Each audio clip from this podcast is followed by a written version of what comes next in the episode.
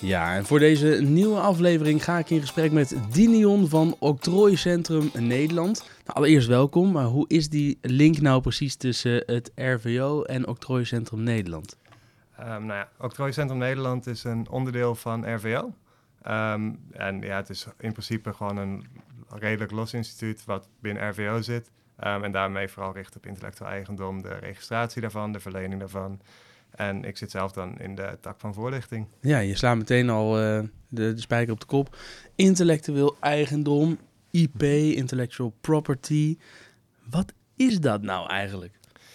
Nou, intellectueel, je schreef wel veel aan, intellectueel eigendom, intellectual property. Het is de Engelse en de Nederlandse term. De ene noem je IE, de andere IP. Um, is, is de term die vaak wordt gebruikt. Uh, dat is een collectie van uh, rechten die jou het recht geven om iemand anders te verbieden iets te doen. Dus het is een verbodsrecht in die zin. Uh, dus bijvoorbeeld een octrooi, ofwel patent, kun je gebruiken om iemand anders te verbieden een technologische oplossing te gebruiken. Um, auteursrecht of copyright kun je gebruiken um, om iemand anders te verbieden een creatief document of een, software, of een softwarecode uh, niet te laten kopiëren. Maar het is dus een verbodsrecht, wat betekent dat je dit zelf moet doen. Je moet zelf iemand actief iets verbieden. En dat is hetgene wat een uitdaging is. Oké, okay, even meteen een openbaring, denk ik, voor heel veel mm -hmm. mensen. Octrooi en patent. Mm -hmm. Wat, is, wat is het verschil? Exact hetzelfde. Er is geen verschil. Ja. Nee, dus heel veel mensen, octrooien, patenten, die termen mm -hmm. worden echt volle bak door elkaar heen gebruikt. Ja. Maar ze betekenen hetzelfde. Dus een octrooi is een patent en een patent is een octrooi. Is een intellectueel eigendom ook per definitie een octrooi of een patent? Nou, dat is, uh, het is echt een bundelrechten. Dus onder intellectueel eigendom, om een paar van de meer voor, meest voorkomende te noemen, heb je het modelrecht, um, je hebt auteursrecht, uh, het octrooi, um, nou ja, bedrijfsgeheimen. Er zit een hele bundel rechten eigenlijk onder. Um, en die zijn samen, vormen die intellectueel eigendom. Oké. Okay. Wanneer heb je nou intellectueel eigendom? Dat heb je dat pas als je het aanvraagt, als je het vastlegt? Of heb je per mm -hmm. definitie, als ik iets creëer, heb ik intellectueel eigendom? Hoe zit dat nou? Nou, dat verschilt behoorlijk per recht. Het ene is publiek geregistreerd, dus dat, daarvoor doe je een aanvraag, stuur je in. Um, en vervolgens begint daar een proces, meestal, of in principe met Octrooicentrum Nederland, uh, maar het kan ook met het, bijvoorbeeld het uh, Europese Patentbureau. Um, en um, andere rechten zijn juist automatisch, of in, in die zin ongeregeld of niet geregistreerd. Welke voorbeelden kun je noemen van een recht dat je gewoon automatisch Mhm. verkrijgt? Ja, een automatisch recht is bijvoorbeeld auteursrecht, ook wel copyright genoemd. Of bedrijfsgeheimen zijn niet echt automatisch, maar als jij actie onderneemt binnen je bedrijf, dan uh, krijg je die wel en die hoef je verder niet te registreren. Um, een handelsnaam is een bekende. Op het moment dat je bij de KVK geregistreerd staat, staat jouw uh, naam ook geregistreerd als een handelsnaam. Dat is echt een soort regionale, of nou, lokale indicatie van de naam. Dat iemand niet exact dezelfde naam voor hetzelfde product mag gebruiken ja. in dezelfde straat. Um, dus ja, dus er zijn er echt een aantal automatische rechten. En dan geregistreerde rechten zijn bijvoorbeeld het octrooi, uh, modelrechten, uh, het merkrecht, ook ja. wel trademarks. En dat betekent dat je daar pas iets tegen kan doen als iemand dat dan schendt of kopieert of iets dergelijks, als je mm -hmm. het op voorhand hebt beschermd. Ja, dus dan moet je het voordat je, je beschermt het eerst en dan kan je het daarna gebruiken om iemand anders te verbieden. Wanneer kies je er nou voor om een, um, een creatie, noem ik het maar even, dat kan dan mm -hmm. software zijn of dat kan dan een mediaconcept zijn of dat kan, nou, dat kan van alles zijn, een naam, whatever. Wanneer kies je nou voor om uh, je begint natuurlijk met onderzoeken of het zin heeft. Uh, en vervolgens ga je naar een, als ik me niet vergis, heet een octrooigerechtigde, die dat dan voor je kan opschrijven en vastleggen en indienen, et cetera. En verbeter me vooral... Octrooigemachtigde. Uh, een, ja, een octrooigemachtigde, precies. En mm -hmm. verbeter me inderdaad uh, vooral als ik dingen verkeerd zeg. Ja. Um, maar wanneer kies je nou voor om zo'n traject wel in te gaan? Want er zijn volgens mij ook voorbeelden waarbij het juist, nou ja, raadzamer kan zijn om dat traject niet in te gaan. Zeker. Um, ik denk dat je moet nadenken over intellectueel eigendom al vrij vroeg als je een bedrijf start. En eigenlijk is het ook altijd, is eigenlijk altijd is de beste weg hetzelfde. Namelijk, er moet een mix zijn van intellectuele eigendomsrechten. Dus ieder recht is het waard om naar te kijken. En dan maak je in principe een selectie van degene die je nodig hebt. Ehm, dus bijvoorbeeld voor bedrijven is het vaak, ehm, zeker in een vroeg stadium, kan het een keuze zijn om juist niet te octrooieren, omdat het, het kost vrij veel geld. Um, het duurt lang, er volgens jaartax op en dat zijn dan nadelen. Maar tegelijkertijd krijg je wel iets heel bijzonders. Je krijgt het recht om iemand anders te verbieden om een technologische oplossing te gebruiken.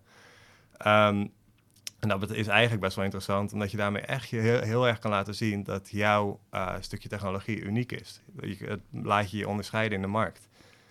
Um, daarnaast is het ook best wel makkelijk om dat naar investeerders te laten zien van hey, dit stukje technologie dat is van mij, dit is uniek in de markt. Ja. Dat dus, zie je ook als je kijkt naar programma's als uh, Shark Tank of als uh, programma's mm -hmm. als uh, Dragon's Den. Precies. Dan wordt die vraag ook heel vaak gesteld: hè? heb je het gepatenteerd? Mm -hmm. heb jij het vastgelegd? Um, maar dat vastleggen brengt ook met zich mee dat je heel specifiek je technologie moet uitwerken. En dat dat dus inzichtelijk is voor mensen die dat raadplegen.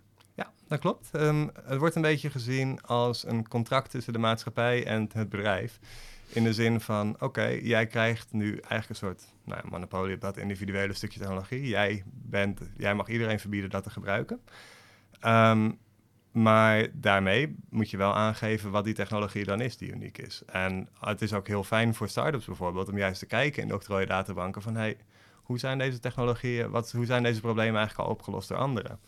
Dus het is heel raadzaam voor een jong bedrijf om te kijken van, nou ja, ik loop nu tegen deze problemen aan. Heeft iemand dat misschien al een keer opgelost en kan ik zoiets ook gebruiken? Ja, maar op het moment dat je je eigen oplossing dus gaat vastleggen, betekent dat Mhm. ook dat iedereen inzicht heeft in hoe jouw oplossing in elkaar steekt. En kan het dus ook weer ter inspiratie gebruiken.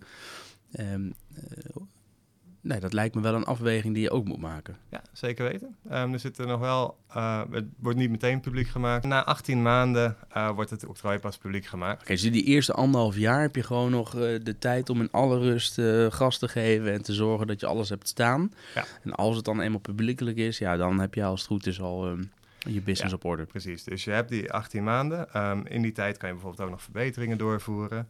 Dat is je uh, voorsprong eigenlijk die ja. je dan hebt op de rest. Precies. Ja. Um, daarna, dus ja, je hebt ja, inderdaad 18 maanden voorsprong. Um, daarna kunnen ze natuurlijk kijken naar wat heb jij gemaakt en daar inspiratie aan ontlenen. Maar het is natuurlijk een verbodsrecht, dus ze kunnen het niet direct kopiëren. Nee, maar hoe... hoe um, ik heb ooit een collega gehad en die uh, bij, bij een vorig bedrijf. En haar vriend werkte bij een uh, spelletjes fabrikant. Mm -hmm. En die deden niets anders, vertelde zij. Dat was zijn baan. Het, het spelen van spellen die door enthousiastelingen werden opgestuurd. Hey, ik heb een spel uh, bedacht. Mm -hmm. Dan gingen zij dat spellen, spelen met elkaar. En als ze dachten, hey, verrek, de kern van dit is echt wel heel erg leuk. Maar dan gingen ze vervolgens gingen ze het net zo aanpassen dat het genoeg afweek van dat spel wat was opgestuurd. En dan brachten zij het op de markt. En die gast die, of dame die het idee had aangedragen, dat spel had opgestuurd, mm Mhm. -hmm. ja, die uh, stond dan uh, mooi te kijken. Nou ja, in principe zijn er natuurlijk, uh, of in principe hebben ze natuurlijk wel nog steeds exclusiviteit op het deel wat ze hebben beschermd. Dus het is altijd de uitdaging om de juiste elementen te beschermen. Dus dat bedoelde ik ook met een mix van intellectueel eigendom is meestal hetgene wat je nodig hebt um, om iets op de juiste manier te beschermen. Um, dat is een uitdaging en nou ja, daarom ben ik hier ook. maar um, het is wel een uitdaging die meestal op te lossen is. Ja. Want dat lijkt me, sorry dat ik je onderbreek, maar dat lijkt me heel lastig. Hoe ga ik het nou zo beschermen Mhm. mm -hmm. dat uh, iemand niet kan denken: oké, okay, ik neem dit de inspiratie, maar pas het gewoon net genoeg aan dat ik er wel mee wegkom. En dan ga ik er alsnog heel veel geld mee verdienen. En dan sta je als, mm -hmm. uh, hoe noem je dat? Octrooihouder. Ja. Sta je te kijken. Um, in principe, ja, zeker. Um, er is natuurlijk altijd een risico, maar in, uiteindelijk is het ook een vrije markt waar concurrentie is toegestaan. Dus een deel beschermt je, dat ja, heb, heb je het recht om iemand te verbieden. Als iemand daar buiten gaat, nou ja, uiteindelijk is het wel een vrije markt. Ja. Dus als je de juiste elementen niet beschermt, dan is concurrentie toegestaan. Ja, dus eigenlijk zeg je, je moet eerst over nadenken, wil je het beschermen? Hoe uniek is het? Mm -hmm. En als je het dan gaat beschermen, wat bescherm je dan? En je moet zelf zorgen dat je het uitgebreid genoeg en goed genoeg beschermt. Ja, en als je dat niet goed genoeg doet, ja, dan heb je risico dat iemand anders er wat mee gaat doen. En dat is dan je eigen schuld.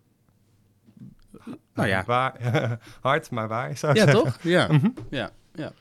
En um, dan maakt het volgens mij ook nog verschil of je iets wil uh, vastleggen alleen in Nederland... of Mhm. in heel Europa, of wereldwijd, of alleen in Azië. Of... hoe zit dat?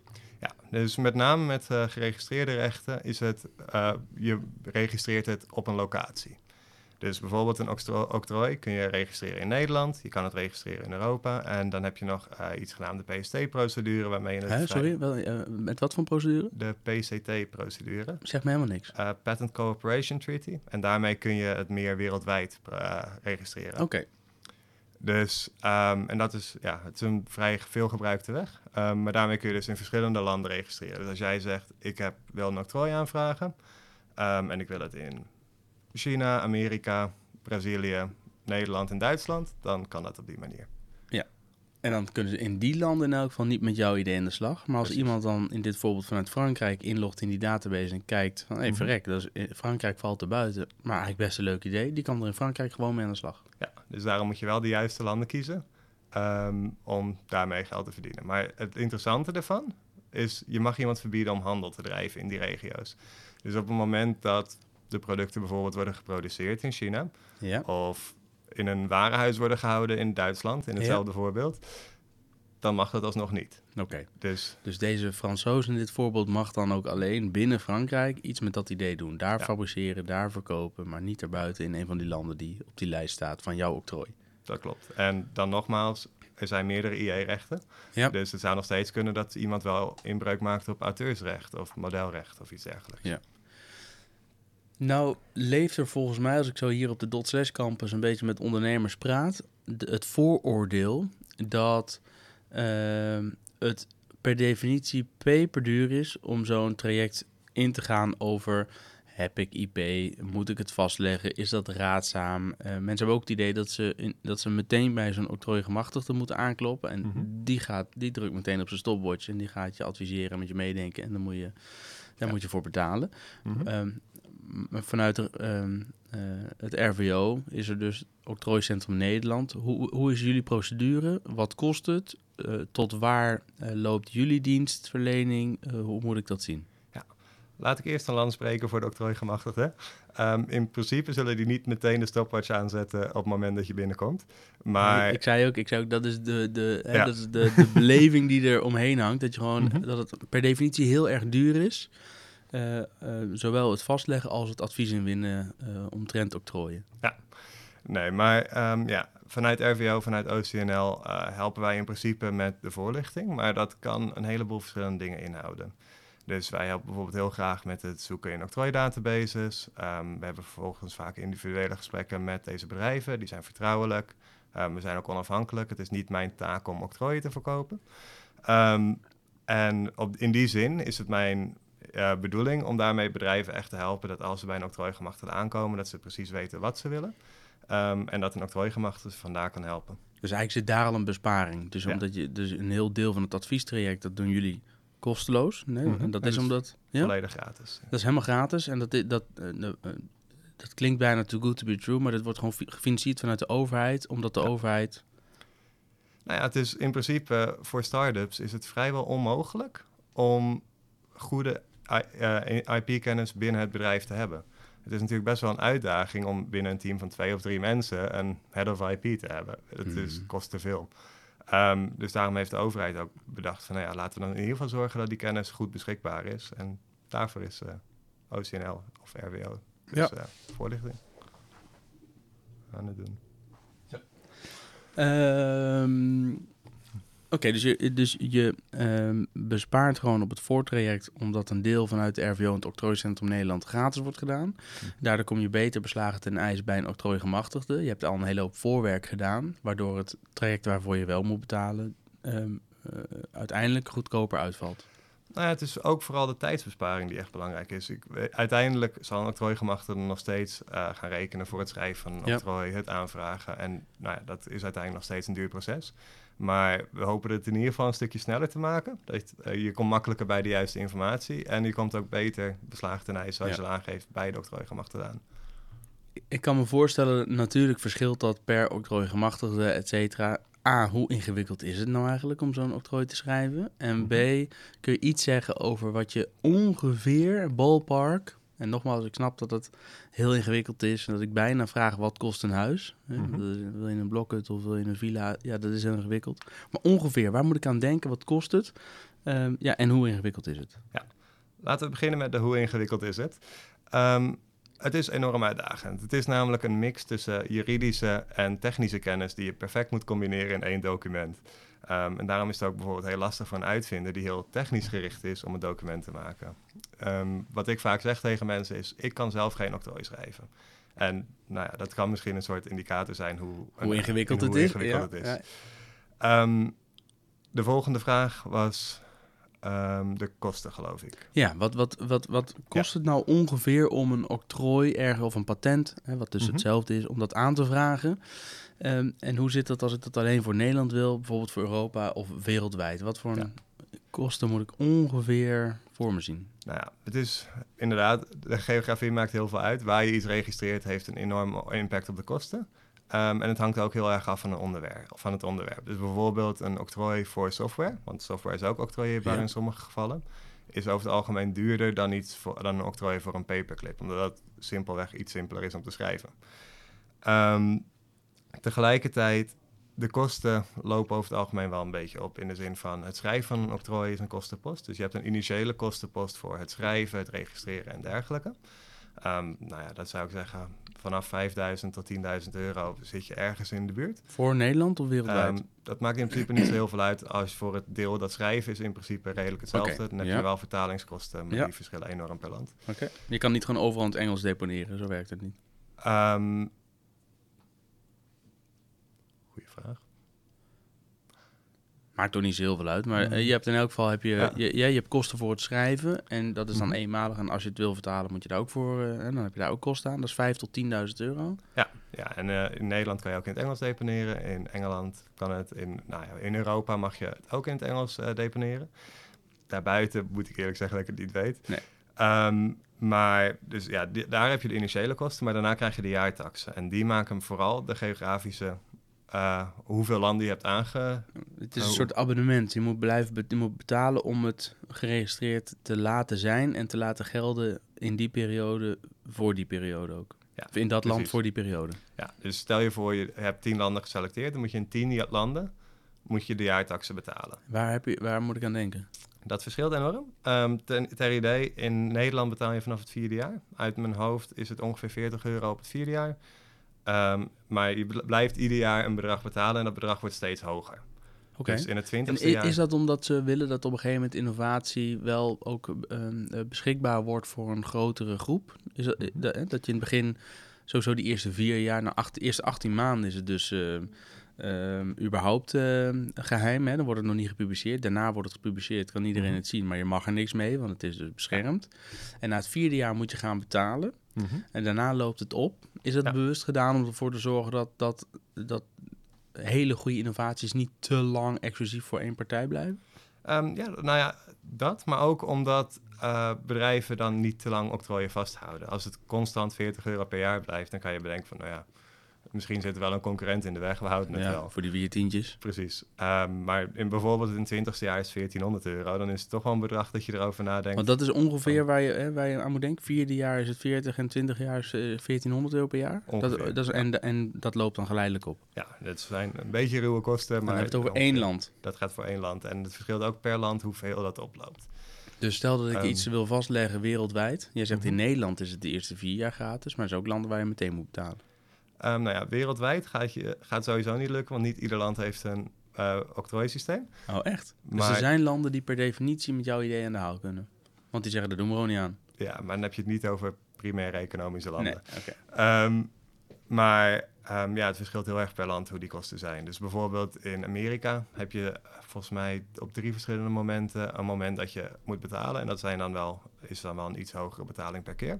Ja, maar waar, waar- ge- heb je enig idee of niet? Ik moet eerlijk zeggen dat ik dat niet heb. Ja, dat is ook weet. een antwoord. Ja, Ja. ja. nee, ik ben gewoon nieuwsgierig. Ja. Ja. Ja, Ehm, maar het is wel makkelijk op te zoeken Ja. natuurlijk. Maar, eh, eh, ik probeer even een voorbeeld te bedenken. Ehm, een herkenbaar, ehm, eh, Nespresso cups. Dat is volgens mij een innovatie die in eerste instantie echt exclusief was voor Nespresso. En op een gegeven moment, want het waren op een gegeven moment mensen die kopieën, of bedrijven die kopieën gingen maken en dat werden zaken. Mhm. En later is het op een gegeven moment is het wel vrijgegeven. Dat betekent dat een Nespresso op een gegeven moment heeft gezegd: Oké, we stoppen nu met het betalen van die fees. Eh, we gooien het gewoon open. Hè, ons, ons bedrijf staat, al die machines staan overal. Ehm, eh, klopt dat? Zou goed kunnen. Het kan ook zijn dat eh, een octrooi heeft een bepaalde lengte waarvoor je het kan houden. Dus het, Überhaupt. Ja. Dus het heeft sowieso een einddatum. ja, het heeft sowieso een einddatum en dat is 20 jaar. Ehm, Dus de man die de paperclip heeft ontwikkeld, die Mhm. heeft daar maximaal 20 jaar heeft hij dat exclusief gehad. Ja. En dan daarna mag iedereen paperclips maken. nogmaals, het kan er afhankelijk van welke IE-rechten je gebruikt. Ja. Ehm, want iedere heeft een verschillende... Het verschilt per eh, recht hoe lang het geldig is. Voor een octrooi is het 20 jaar. Ja. Dus ja, inderdaad, voor de paperclip geldt volgens mij dat hij het inderdaad had geoctrooieerd. Dus die Ja. heeft 20 jaar lang daar geld aan kunnen verdienen. Ja. Maar ja, andere rechten hebben andere tijden. Ja, Of en dat betekent dus ook dat je in die 20 jaar kunt het bijvoorbeeld in licentie geven. Of kun je zeggen, oké, je mag, Mhm. maar dan eh, moet je royalties betalen of whatever. Want je, je kan nog steeds, hè, dat is het hele idee volgens mij ook van een octrooi, dat je het kunt verkopen en kunt voorkomen dat er iemand nog met jouw idee vandoor gaat en daar geld aan gaan verdienen. En dat jij dan de lachende, of nou de huilende derde in dit geval bent. Of de lachende derde als jij de licentie hebt Ja, nee, precies. eh, Ja. betaald. Ja, ja maar daar heb je dan wel dat actor- octrooi voor nodig. Ja. Precies. Ja. Want ja, je kan niet iets licentiëren dat je niet hebt. Nee, maar Dus- en, en, en eh, als ik dan bijvoorbeeld heb, we hebben nou, een, een programma als Big Brother bijvoorbeeld, dat is natuurlijk ooit in Nederland bedacht en dat is hier op de Mhm. buis gekomen. Ehm, zou jij dan in, zo'n geval, volgens mij was het een, een een John de Mol zat daarachter, zou je dan een John de Mol adviseren om al voordat je het überhaupt uit gaat brengen, om alvast dit ehm, concept helemaal vast te leggen en te patenteren wereldwijd? Want hij heeft in Nederland in eerste instantie uitgezonden. Dat was een succes. En daarna Mhm. is hij op allerlei beurzen volgens mij gaan staan... om met dat succes uit Nederland Big Brother onder de aandacht te brengen van andere zenders Ja. en mediahuizen. En die hebben dat dan vervolgens gekocht. Hè. Ook als je hier Boer zoekt vrouw kijkt, dan zie je in de aftiteling... daar zie je dat gebaseerd op of gelicenseerd Farmers, eh, Farmer Searches Wife of zo, zoiets. Mhm. En, en, met de, de, de, en dus met heel Holland Bakt en al dat soort programma's, dan zie je altijd in de aftiteling dat het is gebaseerd op een programma eh, of ge- in licenties gegeven door een partij uit het buitenland. Ja. Hoe, hoe werkt zoiets? Als we nou eens dit voorbeeld van de Big Brother pakken, hoe Mhm. ziet zo'n traject er dan, denk jij, uit? Want ik snap dat je niet bij dat traject betrokken bent Ja. geweest, maar, Nou, ik heb zelf überhaupt geen Big Brother gezien, dus dat zal een ja, slecht maar je kent het toch? Maar het Ja. is voor zover ik weet een televisieprogramma. Ja, Ehm, over het algemeen kun je een televisieprogramma niet octrooieren. überhaupt niet. Nee. Ehm, er zullen ongetwijfeld ergens uitzonderingen zijn, maar het eerste waar ik aan zou denken daarbij is auteursrecht, copyright. Ehm, want iemand heeft daar een heel creatief proces. Er is een, er is een script geschreven dat je niet mag overnemen. Ehm, ja, er zijn behoorlijk veel elementen hoe het ter beeld is gebracht, ehm, het werk van de regisseur. Er zijn allemaal verschillende elementen die daarin copyright kunnen aantrekken. Maar het feit dat je 15 mensen, of ik weet niet hoeveel het er waren, voor een periode van x, zeg drie maanden, in één huis stopt, dat is volgehangen met camera's. En dat ga je opnemen, editen en uitzenden. Mhm. Dat kan je niet patenteren. In principe niet. Ehm, maar je kan bijvoorbeeld wel merkrecht aanvragen. Ja, Ehm, op de naam Big op de naam Brother. Big Brother, in combinatie met een tv-programma. Of, of eh, wordt die combi dan niet gemaakt? eh, merkrecht zou je bijvoorbeeld kunnen aanvragen voor het logo, voor de naam, ehm, voor, zelfs voor de jingle. Ook voor de toepassing? Want Big Brother is natuurlijk al jaren, er was al voor het programma een, Mhm. een, een term, een naam. Maar het feit dat je dus een programma hebt waarbij mensen meekijken via camera's in het dagelijks leven, Big Ja. Brother is watching you, en dat je in die context Big Brother, dat Mhm. kun je niet linken aan hoe het wordt toegepast. Ik weet niet of ik je naam volledig snap, of je vraag volledig snap. Nou, dat, eh, Maar- jij zegt je kan een tv-programma niet zomaar licentiëren, maar je kan Mhm. wel bijvoorbeeld de eh, naam of eh, auteursrecht, et cetera.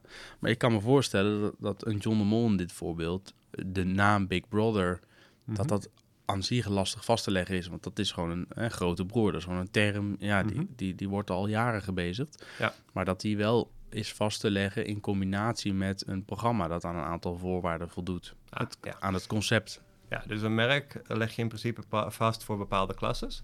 En het mag niet beschrijvend zijn voor die specifieke klasse. Dus je hebt bijvoorbeeld, ehm, nou ja, als we Big Brother nemen, dan staat er waarschijnlijk, bestaat er een klasse, ik weet hem niet uit mijn hoofd, maar iets van televisieprogramma's. Ja. Ehm, en dan leg je hem vast voor televisieprogramma's. Ja, precies. Ehm, en als dat zelfs niet kan, als Big Brother bijvoorbeeld te beschrijvend is voor een televisieprogramma, nou ja, dat lijkt me in dit geval sterk. Maar dan zou je het nog alleen het logo kunnen registreren. Ja. Want dat is dan echt meer een soort afbeelding. En Ja. in die zin is het Een eigenlijk beeldmerk beschrijvend. krijg je dan. Ja, oké. Dus. En dan gaat, dus daarna gaat. ehm, ja, ik, ik vraag me dan gewoon af hoe een John de Mol dan kan verdienen aan. eh, hoe kun je dit dan verkopen, het concept aan het buitenland? Aan een ander mediahuis die dan in, weet ik veel, Argentinië bijvoorbeeld ook een Big- Brother gaat uitzenden. Hoe kun je Mhm. dat dan licenseren? Want dan, als het niet te beschermen is, dan zou toch een Argentijns mediahuis kunnen zeggen: Nou, wat een goed idee, gaan wij ook maken. Nou niet te beschermen. Het is niet te octrooieren. Maar op het moment dat jij iets licen- uitlicentieert, dan is het nog steeds... Het is een soort... Ja, in het Engels noem je dat een trade dress.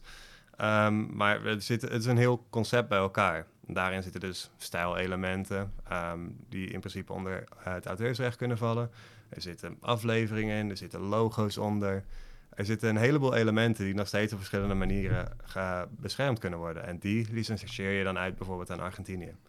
Ehm, en in die zin kun je daar nog steeds eh, een royalty voor ontvangen. Ja, ja want hij, toch op de een of andere manier heeft hij er heel veel geld mee verdiend. Ja. Ja. Dus. Ja. Maar Ja. ja. het is alleen niet... Het is, nou, ik ga ervan uit dat het niet geoctrooieerd is. Want ik zou niet zo goed weten hoe dat moet. Oké. Ehm, maar ja, ook met een merk, met een merk of een, ehm, met copyright kun je ook uitlicentiëren. Nou ben ik een, eh, eh, stel je voor, ik ben een ondernemer. Ik zit hier bij Dotslash. Ik heb een eh, SaaS-oplossing, software, ehm, en dat verkoop ik. En dat lost een heel specifiek probleem op. En daar hebben we code in zitten. Ehm, eh, ehm, patenteer je dan de oplossing of patenteer je de code? Of wat patenteer je en wat moet je willen patenteren? Is een ontzettend goede vraag. Dank je. En een ontzettend lastige. maar ik ga proberen het eh, iets duidelijker te maken. De uitdaging bij een octrooi is dat het moet nieuw, het moet inventief zijn en het moet industrieel toepasbaar zijn. En vooral die industrieel toepasbaar, bij software wordt dat soms vertaald naar een technische werking, is een uitdaging voor een softwareoctrooi. Dus hoe ga jij aangeven dat er een technische functie uit jouw software voor- voortkomt? Dus hetgene wat je daarmee beschermt is dus de technische functie die de software maakt. Dus als jij de code invoert of in, opschrijft als dit is hetgene wat ik wil beschermen in mijn octrooi, dan wordt die afgekeurd. Oh.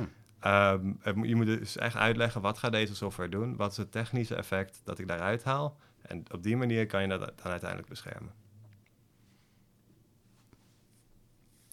Oké. en waar begin je dan? Is dan gewoon hoe you gonna call Dion? Is dat het eerste wat je moet doen? Gewoon Octrooicentrum Nederland benaderen en zeggen... Joh, ik heb een idee. Ehm, ik zou, als jij echt al een idee hebt voor een businessmodel, dan ehm, is Dinian een eh, goed iemand om te bellen. Ja. Ehm, maar in principe, ja, kom een keertje langs, kom een keertje praten, zou ik zeggen. En Maar dat kan altijd. Dus dat is... En dat... dat hè, ja, de, dat, ja, jij wordt betaald. Mhm. Het is redelijk safe om jou te benaderen en te zeggen... Ik heb een idee, maar ik, heb, ik, ik, ik vraag me af... Kan ik dit vastleggen? Moet ik het vastleggen? Is het wijsheid? Moet ik het voor Nederland doen? Moet ik het wereldwijd doen? Voor hoe lang? Et cetera. Al dat soort... Als je daar met die gedachten speelt... Dan kan je gewoon contact opnemen met jou en dan ga je meedenken en Mhm. handvatten geven. Ja, dat is- Ehm, en dat is dan, eh, neem ik aan, ook helemaal allemaal vertrouwelijk. Ja, dus we staan ook onder eed. Ehm, het- we zijn onafhankelijk. Het is een vertrouwelijk gesprek. Ehm, dus ja, ik heb bijvoorbeeld ook vaak bedrijven die een deel zijn van incubator. Dan ga ik ook niet terug naar de incubator om te zeggen waar we het over hebben gehad. Nee, precies. Dus het Ja, is Degene met wie je aan tafel zit, is Ja. in dat geval jouw eh, eh, belang. En ehm, je wordt betaald vanuit de staat. En ja, zoals ik ook al aangaf, het is niet mijn taak om octrooien te verkopen of iets dergelijks. Ik ben dolblij als jij een perfecte strategie hebt en er komt geen octrooi uit. Dan ben ik, ga ik nog even gelukkig de deur uit. Heb je wel eens iemand afgeraden om een octrooi ehm, te verwerven of te, Ja. te vast te leggen? Ehm, ik moet dit wel heel globaal houden. Snap ik. Maar er was een keer een bedrijf met een idee. Ehm, en die wilde er vooral voor zorgen dat dat idee niet door iemand anders geoctrooieerd kon worden. Ah. Dus die wilde ervoor zorgen van, nou, ik wil dat dit gewoon publiek toegankelijk wordt. En een van de grote uitdagingen da- daarbij is, of voor een, om een octrooi aan te vragen, is dat het nieuw moet zijn. Dus tegen die persoon heb ik gezegd, als dat het enige is wat je wil en je wil er geen winst uithalen, Je beter gewoon publiceren. exact. Ja. Zet gewoon alles online, maak het zo opvallend mogelijk. Ja, dan kan een ander het dus En- ook niet meer vastleggen en claimen, want dan heb jij het al gepubliceerd. Precies. En dat noem je dan een defensieve publicatie. Ah, nooit geweten dat dat ook kan. Ja. Grappig. Dus En slim ook. Ja, en dat was dan de juiste uitkomst voor dat bedrijf. Omdat die juist wilde van, nou ja, zolang niemand anders het beschermt, vind ik het prima.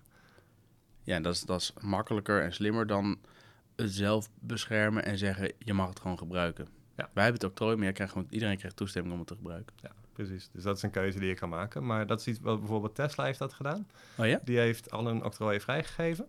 Ehm, en daarmee gezegd van, oké, je mag dit gebruiken. Maar daar zit wel achter van, op het moment dat je ons aanklaagt voor jouw octrooien, dan, eh, dan, gaan we het wel gebruiken. Ja, precies. Dus dat is meer ook weer een defensief systeem om ervoor te zorgen dat, ja, dat je zelf vrij op de markt bezig kan zijn. Ja, oh, wat grappig. Nooit gerealiseerd dat dat ook een eh, strategie kan zijn. Ja. Heb jij nog laatste dingen waarvan je zegt, oké, maar ik vind het wel belangrijk om dit, als het gaat over octrooien en patenten, nog mee te geven aan eh, met name natuurlijk eh, de dot slashers eh, bij ons op de campus, maar natuurlijk ook voor alle andere ondernemende mensen die deze podcast luisteren. Ja, zeker. Ik denk dat er één heel belangrijk punt is waar we het nog niet over hebben gehad. En dat is, waar praat je wel en niet over? Het is namelijk een In, het, in, in, in je ehm, in je dossier, in je... pitchdocumenten, in investeringsrondes, maar ook in publicaties. Wat e-mail je naar mensen? Want zoals we al aan hebben gegeven, een octrooi moet nieuw zijn. Dus op het moment dat jij te veel praat of op een beursvloer een presentatie geeft, dan moet je daar heel erg mee oppassen. Want straks kun je het zelf geen octrooi meer op aanvragen. En dat Hmm, kan wel eens heel schadelijk zijn voor je bedrijf. Dus maak het een uitdaging om te kunnen praten over je bedrijf zonder dat je iets gevoeligs vrijgeeft. Dat is echt een essentieel punt wat we helaas al te vaak fout hebben zien gaan. als je het unieke van jouw concept al wel met iemand deelt en diegene publiceert dat, dan kan je het daarna zelf niet meer vastleggen. Ja, of zelfs als het op de een of andere manier uitlekt tijdens de octrooiaanvraag, dan uh, ja, het hoeft niet eens echt uitgebreid gepubliceerd te zijn. Als het duidelijk is dat er een presentatie is geweest waarin jij het hebt uitgelegd, dan kan het ook al een probleem vormen. Hoeveel kan en mag en moet ik wel of niet delen in een gesprek met iemand van Octrooicentrum Nederland, zoals met jou? Ik zou in ieder wat ik meestal zeg is, stuur zo min mogelijk op. Um, okay. Want nou ja, alles wat je niet opstuurt, kan geen kwaad. Um, nou ja, ik zal in ieder geval wel een beetje moeten snappen wat voor technologie je bedrijf doet. En wat je, aan het, wat je aan het ontwikkelen bent. Maar um, ja, nogmaals, het is vertrouwelijk. Het gaat geen invloed hebben op je octrooiaanvraag. Maar des te minder informatie er is, des te minder er vrij is, is altijd een positief iets in principe.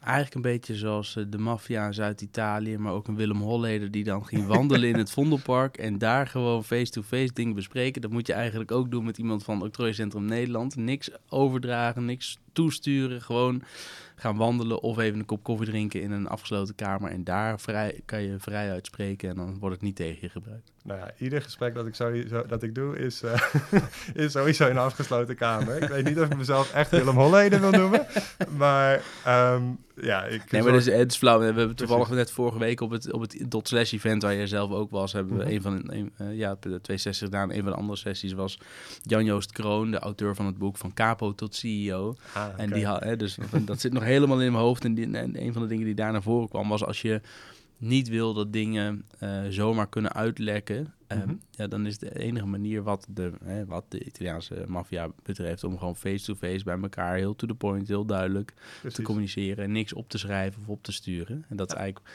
van, uh, wat jij ook zegt. Ja. Maar alles, je kan alles wel gewoon met jou bespreken. En ik kan me namelijk wel voorstellen hoe meer jij weet, hoe beter je mij kan adviseren. Ja, precies. Het is een, het is een individueel gesprek, één op één. Het is een vertrouwelijk gesprek.